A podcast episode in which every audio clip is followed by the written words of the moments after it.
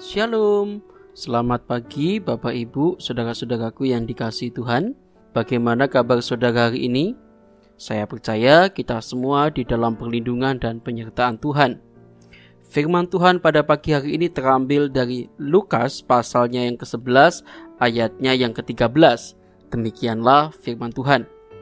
Jadi jika kamu yang jahat tahu memberi pemberian yang baik kepada anak-anakmu, apalagi Bapamu yang di surga.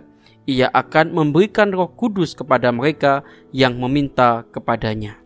Bapak ibu saudara-saudaraku yang dikasihi dan mengasihi Tuhan, ada seorang ayah dan anaknya bekerja sebagai pemulung.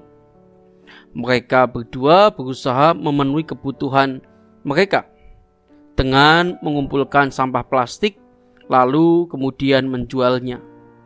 Meskipun mereka bekerja setiap hari, namun uang yang dihasilkan tetap saja tidak seberapa.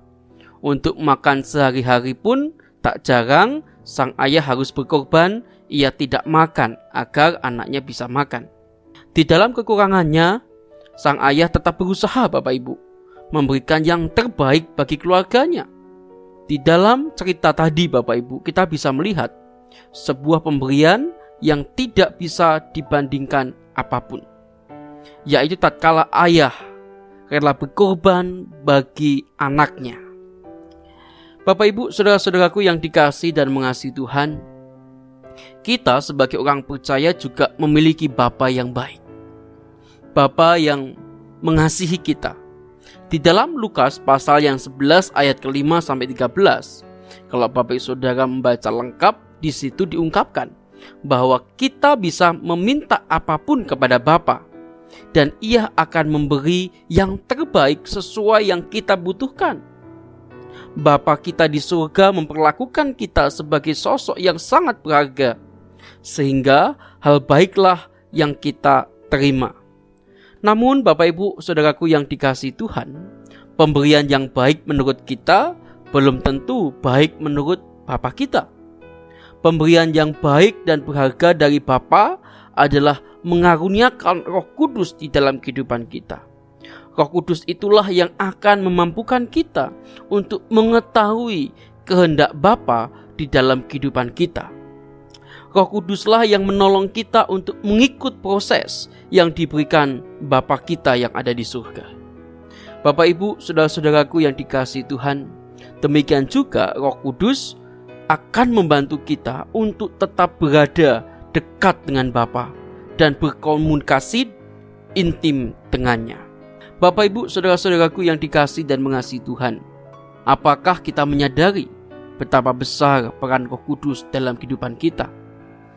Sungguh, Roh Kudus adalah pemberian yang sangat luar biasa dari Bapa. Kini, sesudah kita melihat dan merasakan langsung betapa Bapa kita selalu memberikan yang baik bagi kita, maka kita pun sebagai anaknya, kita harus memberikan yang terbaik dari seluruh hidup kita untuk kemuliaan namanya. Kiranya firman Tuhan hari ini menjadi berkat buat setiap kita. Mari kita berdoa. Tuhan, Allah kami, Bapa yang baik, yang mengasihi setiap kehidupan kami, pribadi lepas pribadi. Kami bersyukur kami punya Bapa yang baik yang mengerti kebutuhan kami, mengerti pergumulan kami. Oh Tuhan, tolonglah kami supaya kami bisa memahami dengan begitu jelas Engkau sebagai Bapa yang baik di dalam kehidupan kami. Ajarkan kami peka akan suaramu ya Tuhan, supaya kami bisa mengikuti kehendakmu.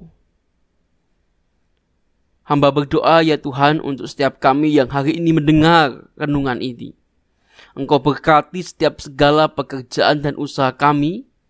Bahkan kami yang studi, kami yang kuliah pun, anak-anak kami yang bekerja maupun yang studi kiranya tangan Tuhan menyertai dan memberkati mereka. Terpujilah namamu Tuhan, di dalam nama Tuhan Yesus Kristus kami sudah berdoa dan bersyukur. Haleluya. Amin. Selamat pagi Bapak Ibu, saudara-saudaraku yang dikasih Tuhan. Tetap semangat, stay safe, stay healthy, stay worship, and God bless you.